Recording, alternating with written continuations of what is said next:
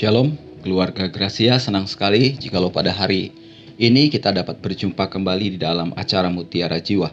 Saya percaya acara Mutiara Jiwa ini boleh memberkati tiap-tiap kita yang mendengarkan. Baik, keluarga Gracia, sebelum kita mendengarkan kebenaran firman Tuhan, mari kita bersatu hati dalam doa memohon pimpinan dan pertolongan Tuhan. Bapak kami mengucap syukur untuk sore hari ini kami boleh kembali ada di dalam acara Mutiara Jiwa Sebentar kami akan mendengarkan, merenungkan kebenaran firman-Mu, biar kebenaran firman-Mu itu memberikan pencerahan bagi kami, bahkan memberikan kekuatan serta penghiburan bagi tiap-tiap kami. Kami menyerahkan waktu ini sepenuhnya ke dalam tangan-Mu. Hanya di dalam nama Tuhan kami Yesus Kristus, kami mengucap syukur, kami berdoa. Haleluya. Amin.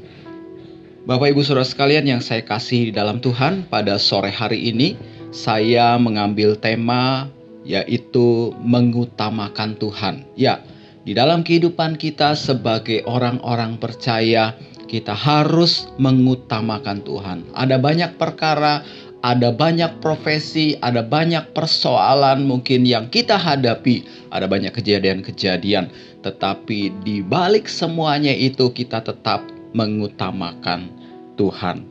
Saya akan membacakan satu ayat yaitu dari Matius pasalnya yang ke-22 ayatnya yang ke-36 sampai dengan ayat yang ke-38. Dikatakan demikian. Guru, hukum manakah yang terutama dalam hukum Taurat? Jawab Yesus kepadanya, "Kasihilah Tuhan Allahmu dengan segenap hatimu dan dengan segenap jiwamu dan dengan segenap akal budimu. Itulah hukum yang terutama dan yang pertama.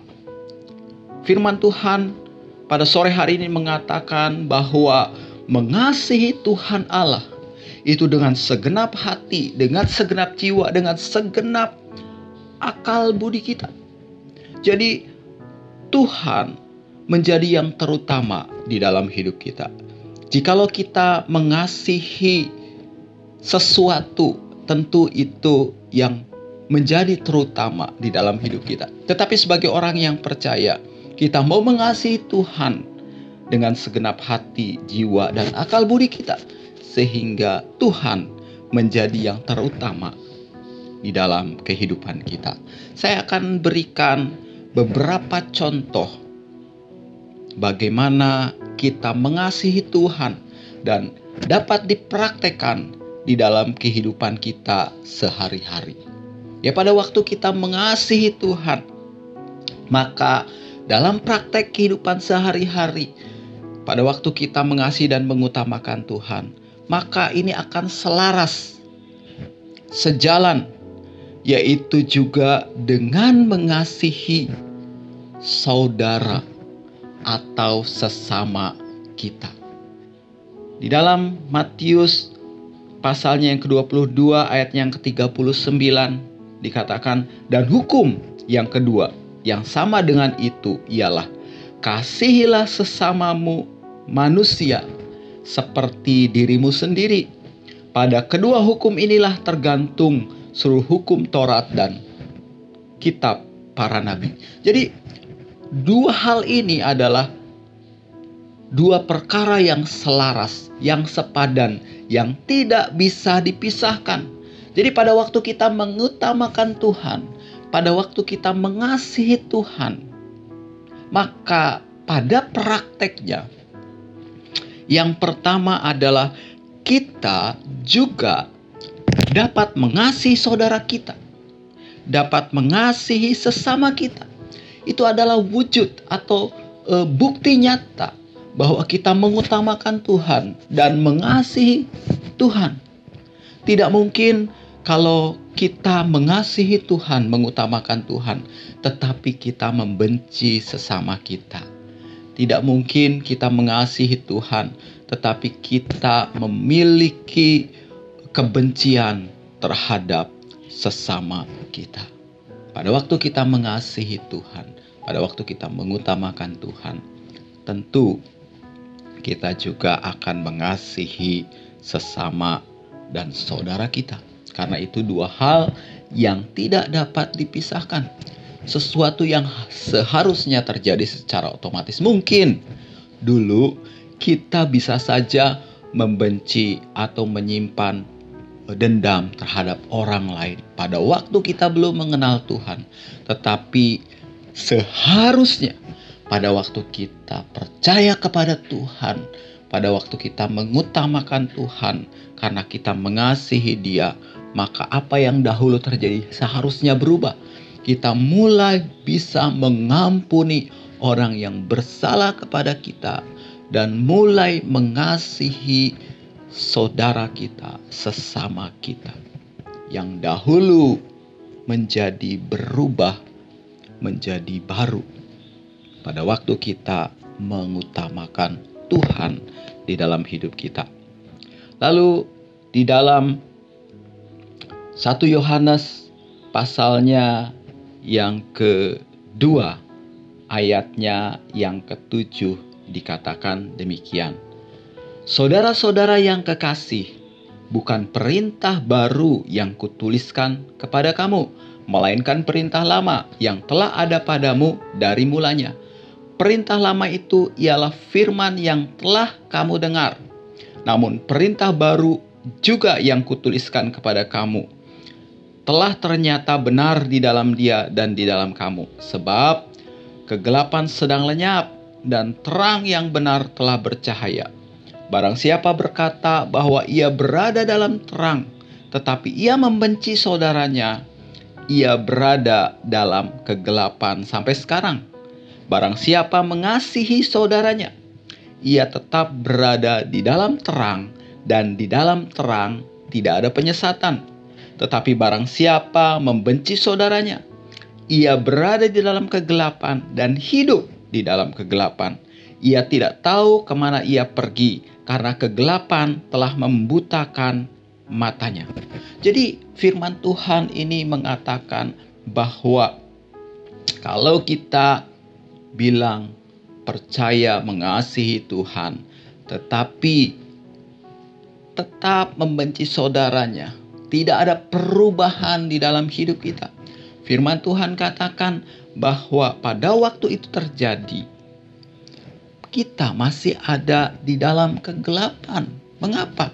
Karena terang kasih Tuhan belum ada di dalam hidup kita. Jadi ciri atau apa yang bisa terlihat pada waktu kita mengutamakan Tuhan, pada waktu kita mengasihi Tuhan, adalah kita mengasihi sama kita, mengasihi saudara kita, bahkan orang yang bersalah kepada kita. Kita dapat melepaskan pengampunan terhadap orang tersebut. Jadi itu ciri yang pertama atau yang bisa kita praktekkan di dalam hidup kita pada waktu kita mengutamakan Tuhan, mengasihi Tuhan. Lalu yang kedua, pada waktu kita mengasihi Tuhan, pada waktu kita mengutamakan Tuhan di dalam hidup kita, adalah hati kita selalu melekat kepada Tuhan. Kalau kita mengasihi sesuatu, maka apa yang kita kasih itu selalu ada di dalam pikiran kita. Kita selalu teringat akan hal tersebut, akan apa yang kita kasihi.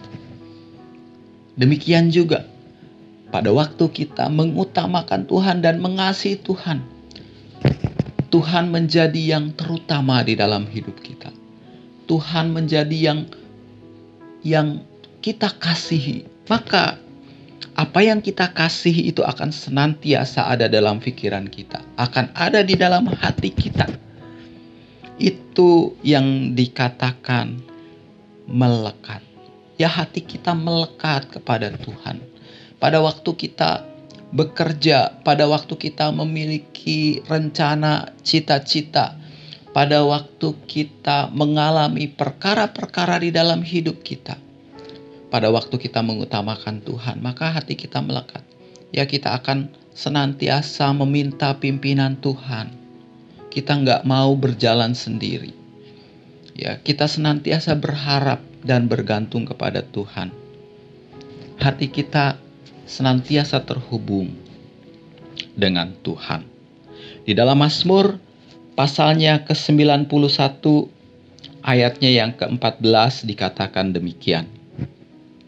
Sungguh hatinya melekat kepadaku, maka aku akan meluputkannya, aku akan membentenginya sebab ia mengenal namaku. Tuhan mengenal orang yang hatinya melekat kepada Dia.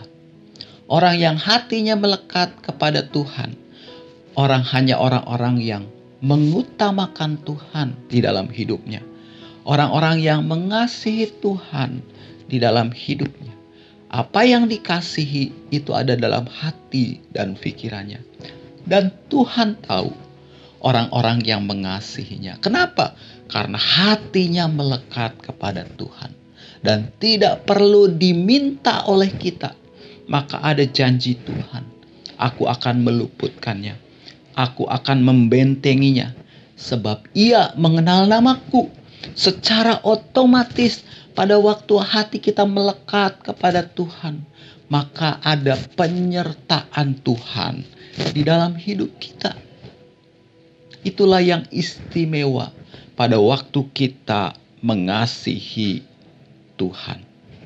Lalu di dalam Matius pasalnya yang ke-6 ayatnya yang ke-21 dikatakan demikian.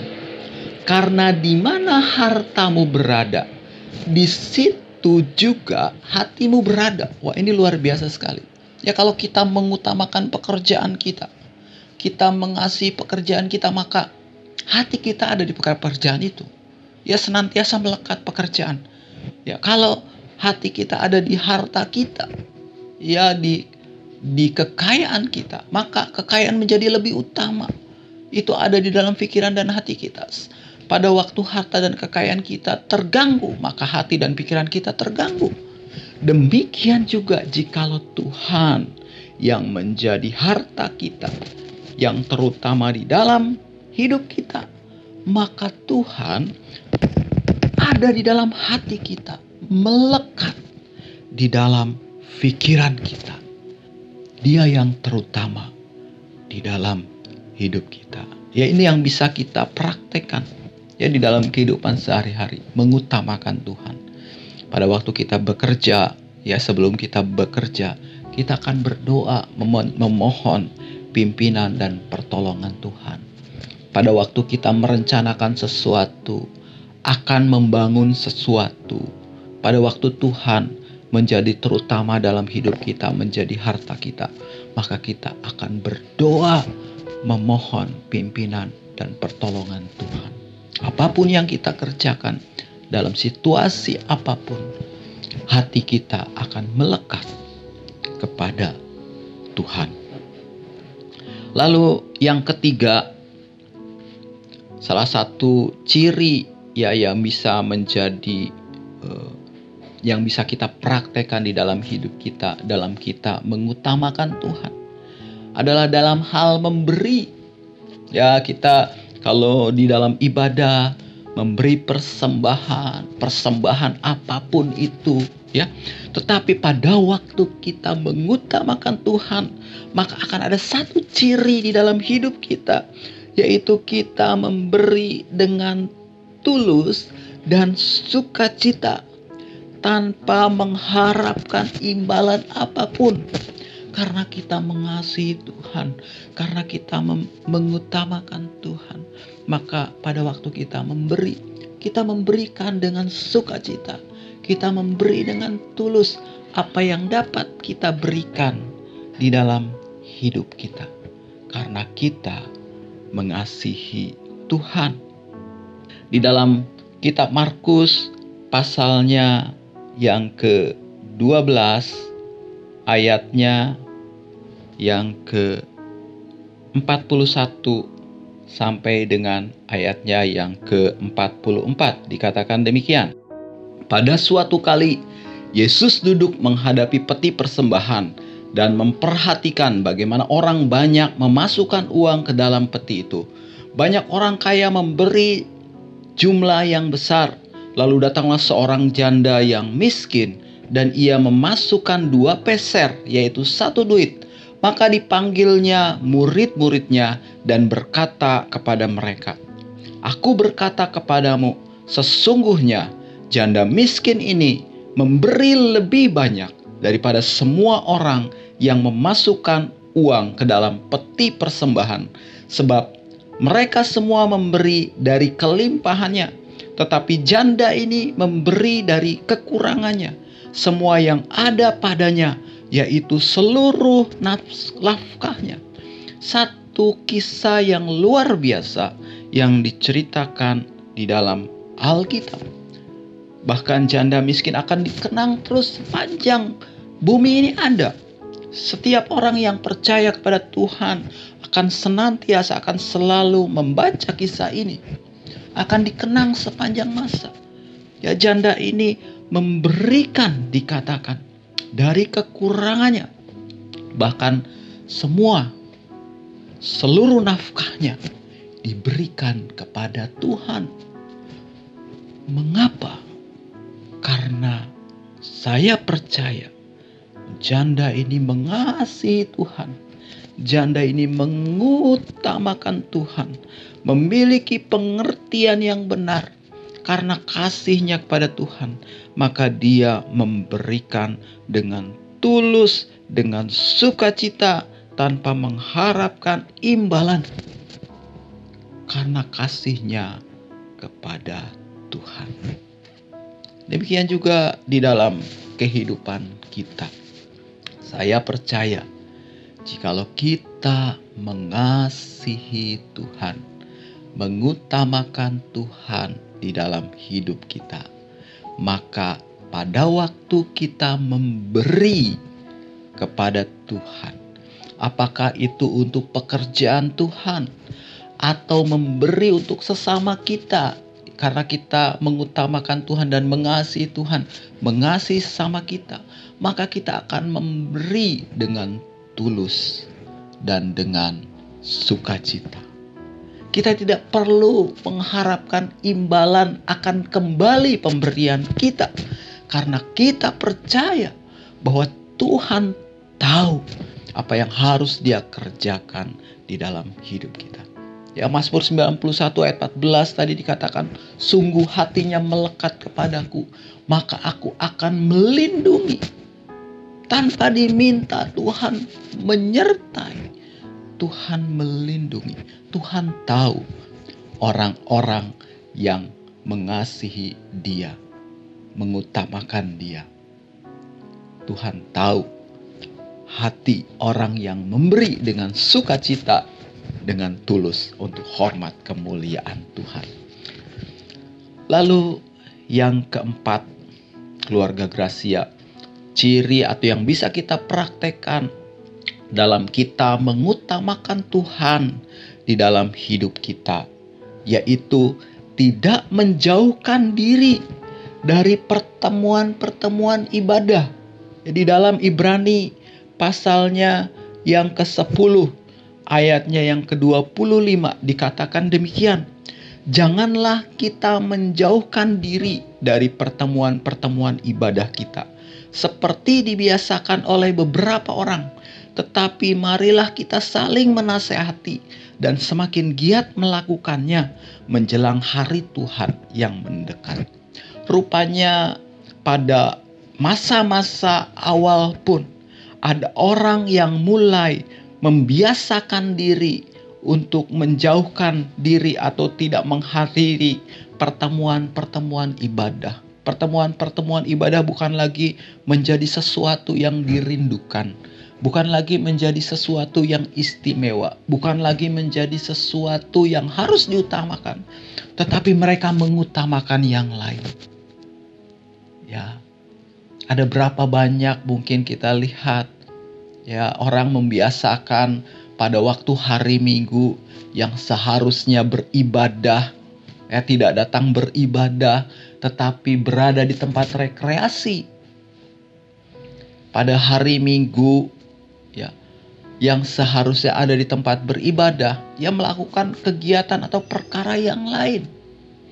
yang yang mungkin bisa ditunda atau dikesampingkan dahulu kecuali kalau perkara itu memang tidak dapat dikesampingkan sama sekali.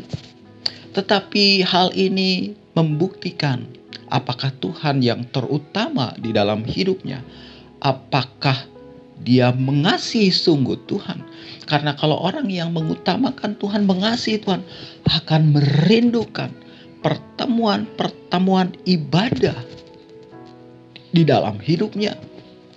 Mungkin pertemuan ibadah rutin hari Minggu, dia akan rindu ya untuk beribadah selain memuji menyembah Tuhan, mendengarkan firman Tuhan, tetapi juga bertemu dengan saudara-saudara seiman. Ya berfellowship satu sama lain, saling membangun dikatakan di sini, saling menasehati. Ya, saling dan semakin giat melakukannya menjelang hari Tuhan. Jadi yang dapat kita praktekkan di dalam kehidupan sehari-hari pada waktu kita mengutamakan Tuhan, mengasihi Tuhan, yaitu tidak menjauhkan diri dari pertemuan ibadah. Itu menjadi kerinduan, itu yang menjadi terutama di dalam hidup kita. Di dalam Mazmur pasalnya yang ke-84 ayatnya yang ke-10 dikatakan demikian. Sebab lebih baik satu hari di pelataranmu daripada seribu hari di tempat lain. Lebih baik berdiri di, di ambang pintu rumah Allahku daripada diam di kemah-kemah orang fasik. Ya bagaimana Daud memiliki kerinduan ya berdiam di rumah Tuhan karena dia mengutamakan Tuhan karena dia mengasihi Tuhan, maka dia katakan lebih baik satu hari di pelataranmu daripada seribu hari di tempat lain. Ya, berada di rumah Tuhan itu menjadi sesuatu yang berharga bagi Daud. Demikian juga bagi kita. Ya, mari hari Minggu bukan hanya sekedar menjadi rutinitas kita beribadah, Hari ini bukan hanya sekedar liturgis kita datang beribadah, tetapi menjadi satu kerinduan bagi kita. Ya kita mau siapkan hati kita, kita mau siapkan pikiran kita, telinga kita untuk dengar firman Tuhan. Ya kita siapkan hati kita untuk kerinduan kita, untuk bertemu dengan saudara-saudara seiman, saling menasehati satu sama lain, saling membangun, kalau ada yang sedih bisa dihiburkan, yang lemah bisa dikuatkan, yang kehilangan pengharapan kembali mendapatkan pengharapan, ya. Bergandengan tangan satu sama lain, ada kesatuan, kesehatian di dalam Tuhan. Pada waktu kita mengutamakan Tuhan, maka kita tidak akan menjauhkan diri dari pertemuan-pertemuan ibadah kita. Empat contoh, ya empat ciri kita mengutamakan Tuhan. Ini bisa kita praktekkan. Kita mengutamakan Tuhan. Kita bisa mengasihi saudara kita, sesama kita. Kita bisa saling mengampuni, saling menyembuhkan. Lalu hati kita senantiasa melekat kepada Tuhan. Bukan perkara yang lain yang melekat, yang memenuhi pikiran kita sepanjang hari-hari kita hidup kita. Tetapi kasih kita kepada Tuhan. Maka firman Tuhan katakan ya pada waktu kita mengutamakan Tuhan maka semuanya akan ditambahkan kepadamu. Lalu pada waktu kita mengasihi Tuhan, kita akan memberi dengan tulus, dengan sukacita tanpa mengharapkan imbalan. Dan pada waktu kita mengasihi Tuhan, kita tidak menjauhkan diri dari pertemuan-pertemuan ibadah. Mari keluarga Gracia yang saya kasih dalam Tuhan, kita mengasihi dan mengutamakan Tuhan. Pada waktu kita mengasihi dan mengutamakan Tuhan, maka hidup kita boleh menjadi hormat, kemuliaan bagi nama Tuhan. Amin. Baik keluarga Gracia, sebelum kita mengakhiri pertemuan kita dalam acara Mutiara Jiwa ini, Mari kita bersama-sama bersahati di dalam doa mengucap syukur kepada Tuhan. Bapa, kami mengucap syukur untuk sore hari ini kami boleh mendengar kebenaran firman Tuhan bahwa kami harus mengutamakan Engkau, mengasihi Engkau. Biarlah Engkau yang terutama di dalam hidup kami. Karena pada waktu kami mengutamakan Engkau, mengasihi Engkau, maka Engkau dipermuliakan di dalam hidup kami. Kami berdoa buat seluruh pendengar suara Gracia di mana pun berada, Engkau yang memberkati. Yang sakit, Engkau yang menjamah, menyembuhkan. Yang mengalami duka cita, Engkau yang menghiburkan. Yang mengalami kelemahan, Engkau yang memberikan kekuatan. Terima kasih Bapa, terpujilah namamu. Di dalam nama Tuhan kami Yesus Kristus, kami mengucap syukur, kami berdoa. Haleluya. Amin.